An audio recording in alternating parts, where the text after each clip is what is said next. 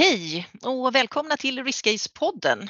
I den här podden pratar vi om nyttan med att ägna tid åt riskhantering och hur riskhantering med lite tips och tricks kan göras ganska enkelt och kanske ge en bra grund för att utveckla din verksamhet.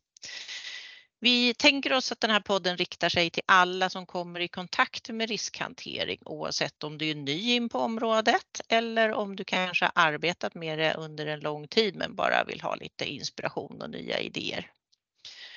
Eh, riskhantering är ju ett hantverk i sig och i vår värld så är det inte branschspecifikt. Med andra ord själva metoden och teorin och tipsen och trixen tycker vi sträcker sig över många branscher. Eh, så att man kan lära sig mycket av de som jobbar eh, inom andra eh, områden, alltså inom andra branscher än den där man är själv ehm, bara genom att eh, fråga, se på dem som kanske har jobbat med området längre än vad man själv eh, och ta inspiration. I det här avsnittet så tänkte vi bjuda in en gäst och det gör vi med jämna mellanrum om vi vill foka på något särskilt riskområde. Och det här avsnittet kommer handla om cybersäkerhet. Eh, jag som eh, ofta pratar i den här podden heter Kristina Eriksson. Jag brinner för att göra riskhantering till något som man kan arbeta aktivt med inom företaget och att det blir en riktig nytta. Och idag så sitter jag här tillsammans med Daniel Tiru som är grundare av Molndrift och specialist inom området cybersäkerhet. Det här med cybersäkerhetshotet har ju krupit allt närmare och vi har ju hört alltså sent som senaste veckorna om att många svenska företag eller organisationer har blivit drabbade på ett eller annat sätt. Så därför tänkte vi prata lite grann om hur man hanterar riskerna inom just det här området. Så välkommen hit Daniel. Tack. Eh, vem är du och vad gör Molndrift och vad gör att du jobbar på det här området med cybersäkerhet? Jag jobbar med utveckling, infrastruktur, molndrift och säkerhet liksom, i molnet och, och cyber. Och då blir ju liksom det här med cybersäkerhet blir ju så ihopkopplat. Liksom. Eh, molndrift eh, bygger och hjälper till med plattformar för att bygga upp software a service. Eh, driftar webbaserade system. Eh, vi hjälper även till med att säkra upp olika internetbaserade verksamheter. Bra idé. Så företaget jobbar med att folk ska göra rätt från början, är det liksom så? För att underlätta? Ja, men börja där. Liksom. Att någonstans någon plattform för att komma vidare och bygga liksom sina, ha en grundplattform och, och med, med den säkerheten som, som verksamheten behöver också. Eh, man kan ju inte investera i hur, hur mycket säkerhetsprodukter som helst för det tar aldrig slut med folk som vill hjälpa en att säkra upp saker och ting. Nej, det stämmer ju jätte, jätte väl. Det är en kapprustning mellan oss och buset som jag brukar kalla det, eller hur? Mm. Ja, det är det. Men om man skulle får man börja hjälpas lite åt. från... Ja, absolut. Om man skulle börja lite från början då. Vad är en cyberattack och liksom hur uppstår en cyberattack? Men, det finns en så här skön definition på det där från Riksbanken som är elektroniskt angrepp mot informationssystem, teknisk infrastruktur, datornätverk eller persondatorer. Och en cyberattack syftar vanligen till att få tillgång till, manipulera eller förstöra viss information eller att åstadkomma driftstopp. Och det är precis det vi ser med det här som du refererade till tidigare med liksom de här attackerna och, och mönstren som är, eh, är ju liksom mycket för att driftstopp liksom. Man kan inte kommunicera med medborgare och liknande och en del det är ju såklart ransomware och liknande.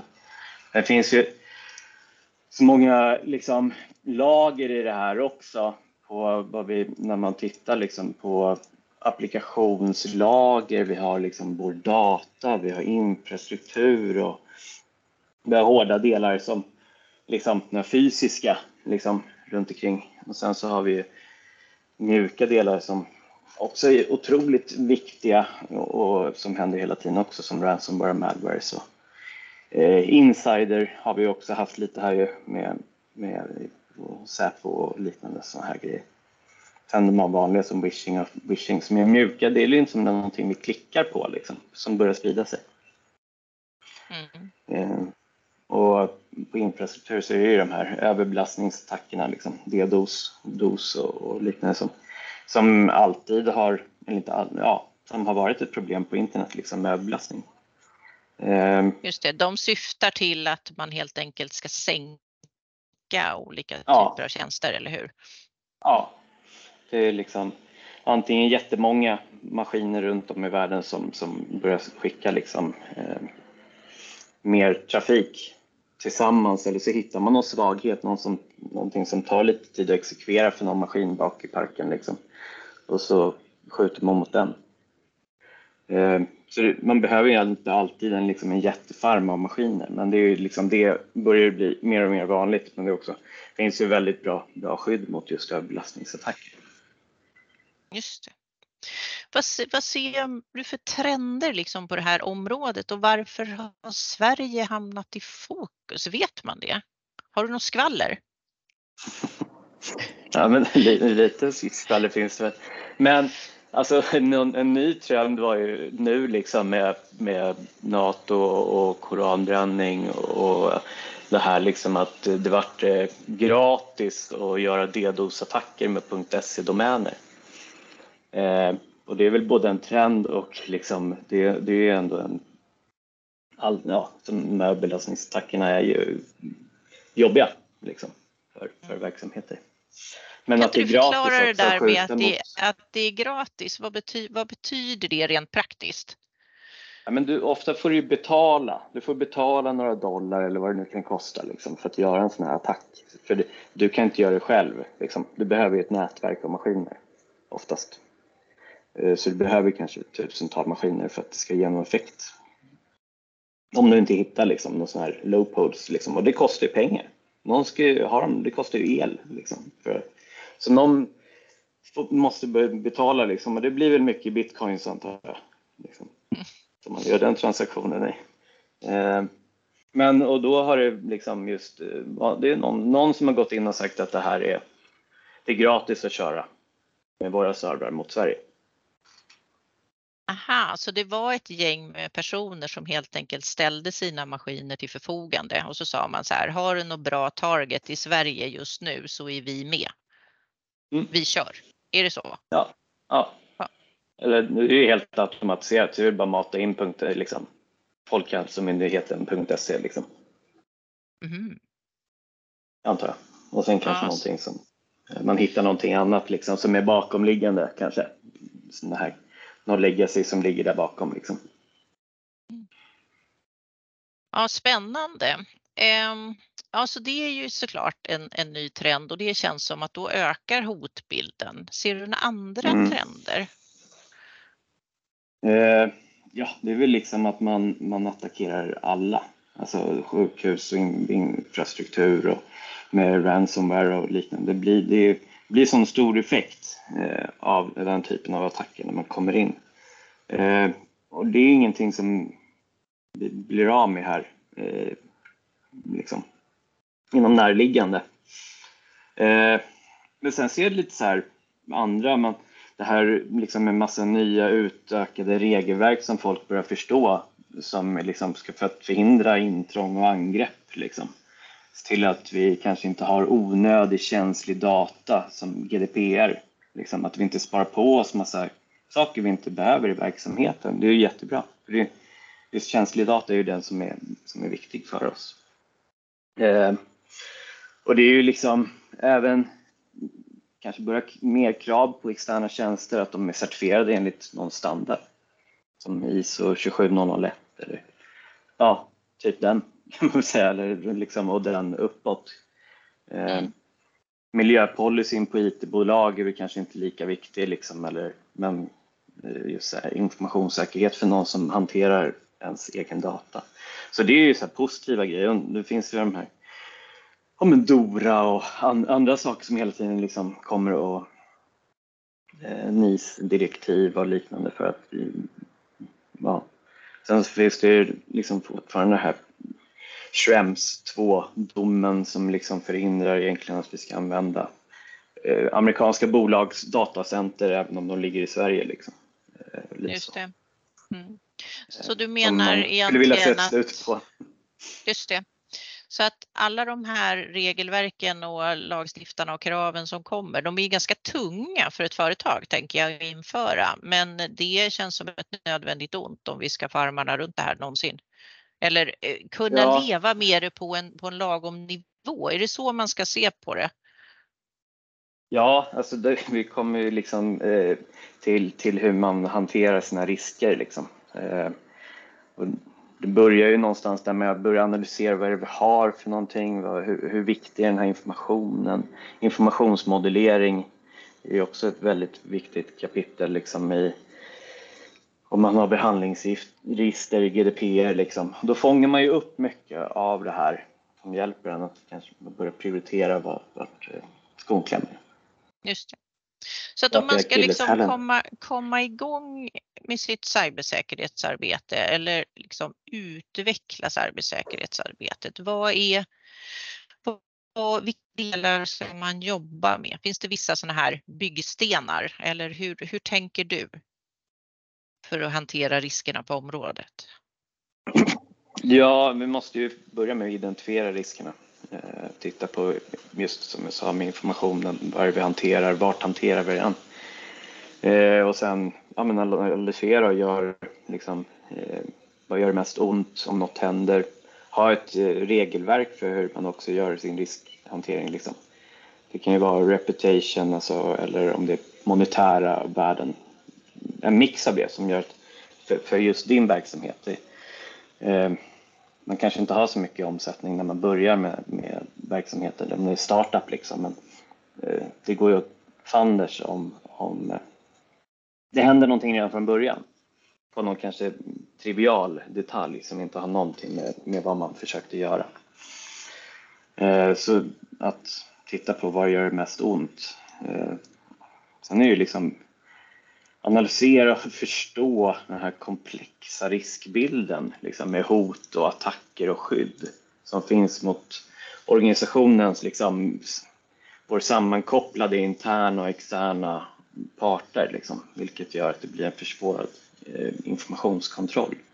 Så att ha koll på den här informationen är ju otroligt eh, viktig.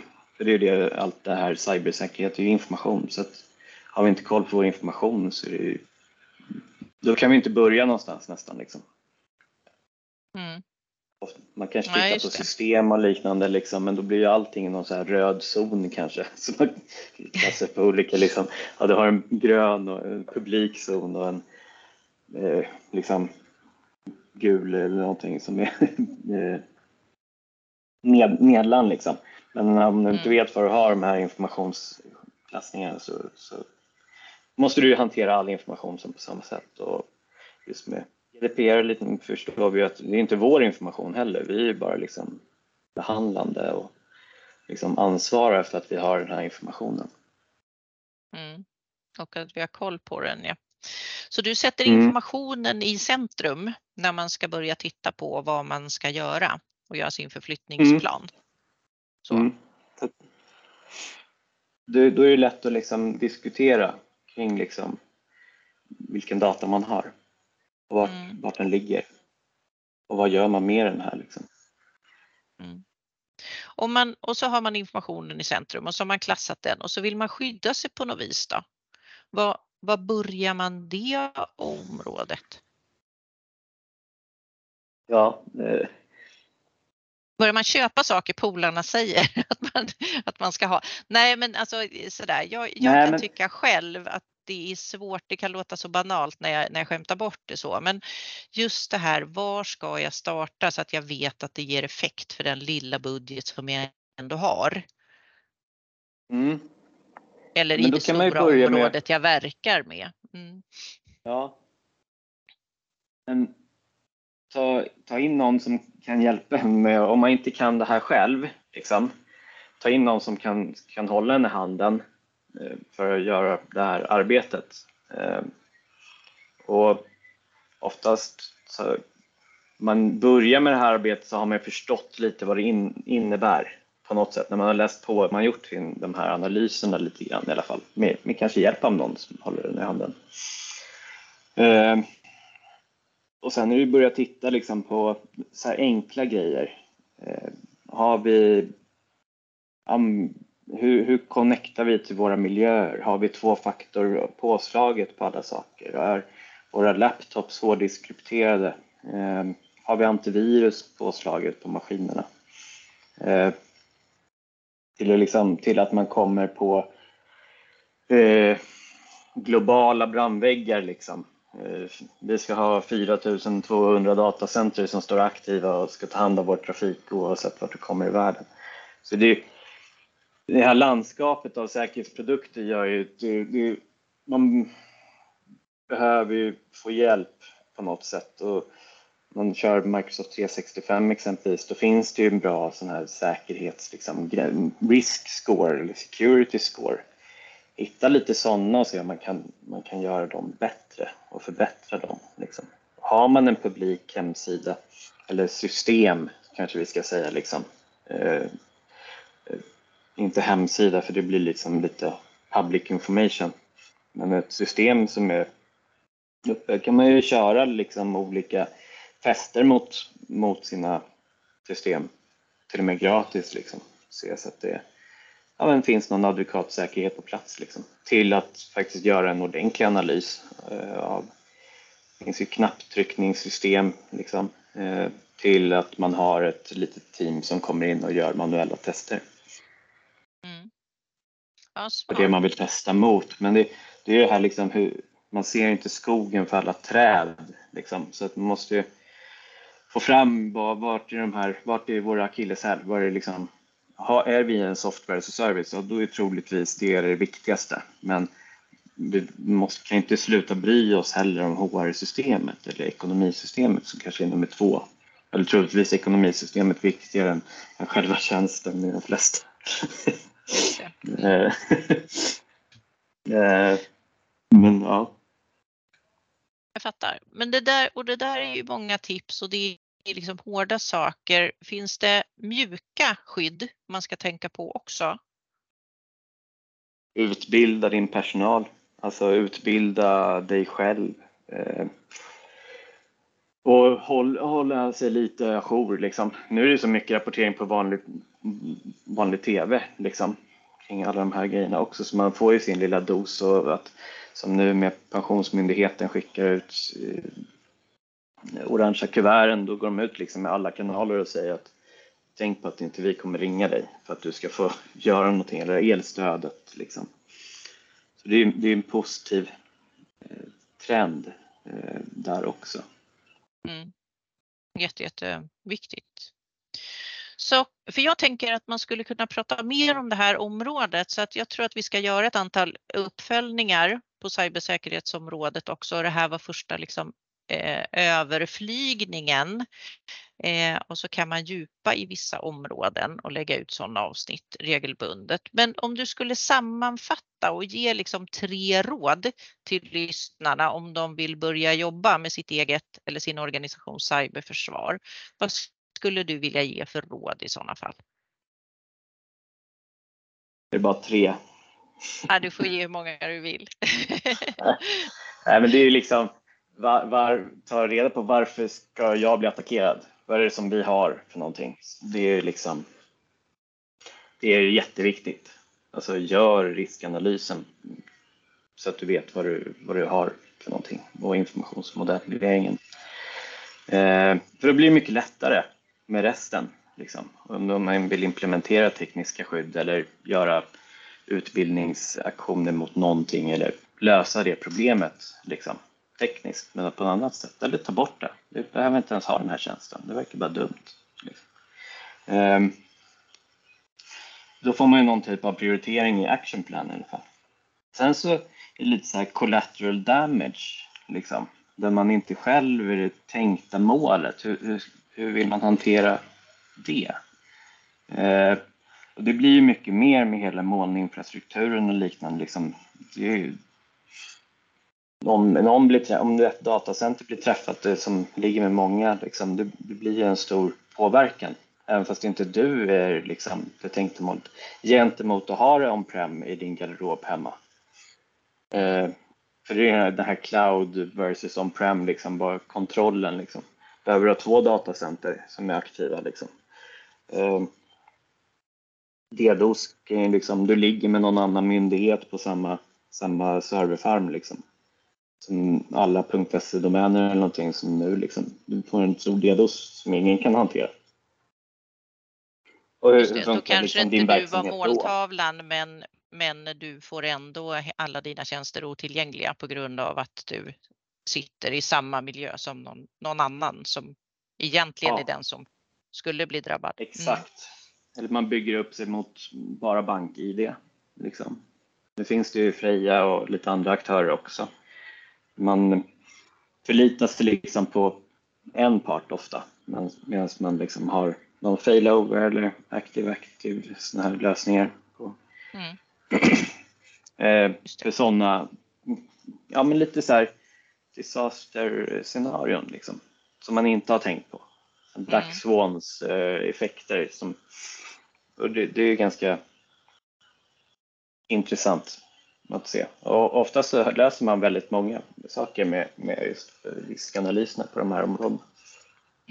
Så med andra ord, man börjar, man börjar där det gör som mest ont. Mm. Eh, egentligen. Mm. Ja. Sen så Zero Trust är någonting som jag tycker är kul. Eh, att inte lita på någon, liksom varken internt eller externt. Eh, liksom nätverket anses alltid vara fientligt. Liksom. Men och externa och interna hot finns i nätverket hela tiden. Mm. Eh, det här parameter, liksom att vi är innanför brandväggarna nu, nu kan vi göra vad som, vad som helst.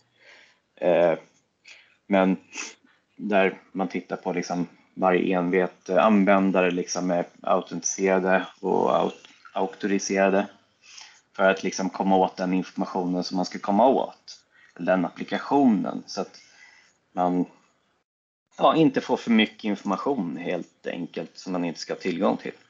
Och inte heller, det finns ju också en risk, även fast du inte har tillgång till informationen så kan ju du vara infekterad eller någonting och förstöra den informationen som du egentligen inte visste om att du hade tillgång till. Liksom. Just det. Mm. Ehm, så det är ju liksom det ena liksom, och då blir det mycket med applikationsbrandväggar. Ehm, mm som också är liksom en, en, en viss del av det, liksom att släppa in eh, bra, bra trafik och stänga ut dålig trafik. Liksom. Mycket bottar och sådana här saker som är ute. Liksom. Det finns ju bra bottar. Vi vill ju ha in Google sökoptimering, kanske inte in i vårt system, men på vår publika liksom, eh, sida. Eh, där är också eh, och någonting att titta på, just webbapplikationsbrandväggar och i, ihop med Zero Trust. Eh, sen blir det ju sista, men det är utbildning, omvärldsbevakning eh, och, och hålla sig ajour mm, på, på något sätt. Det är så mycket information hela tiden, men utbilda och framförallt utbilda kollegor. Se till att alla, alla har någon typ av grund, grundnivå. Även om man inte tänkt att ha liksom, kontakt med information eller data på något sätt. Så, så det är bra att alla på hela företaget vet om det. Och vad man har för säkerhetspolicy och code of conduct eller liksom, eh, ja, hur man jobbar med risker och, och, incidenter och vem man rapporterar incidenter till. Om man inte vet till exempel det så, så bör man veta det hela tiden. Just det. Ja, men det är jättebra. Så om jag skulle sammanfatta riskanalys, ha koll på vad det är som man verkligen vill skydda, vilken information egentligen man har som gör också att man är en target.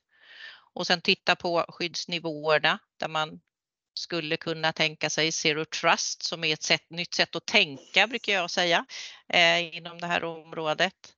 Eh, och sen så pratar du om utbildning och omvärldsbevakning. Har man de bitarna på plats så kommer man en lång väg tycker jag att det låter som men det tycker jag också. Det är, det är en bra, bra nivå eh, liksom om man ska, ska börja. Och jag tror att man, och med det så kommer man ju hela vägen. Liksom, också. Det är en bra början men du kommer hela vägen om du, om du fortsätter liksom, på, på den, på den eh, resan. Det tycker jag låter hoppfullt. Och med de orden så tänker jag att vi rundar av. Stort tack Daniel för att du har varit gäst hos oss i Riskcase-podden här idag. Eh, ni hittar Daniel Tiru och oss på LinkedIn eller via våra hemsidor. Och till dig som har lyssnat, stort tack för att du har tagit dig tid och hör gärna av dig med frågor eller om du har tips på andra områden som du vill höra i den här podden. Tack för mig. Tack Daniel. Tack.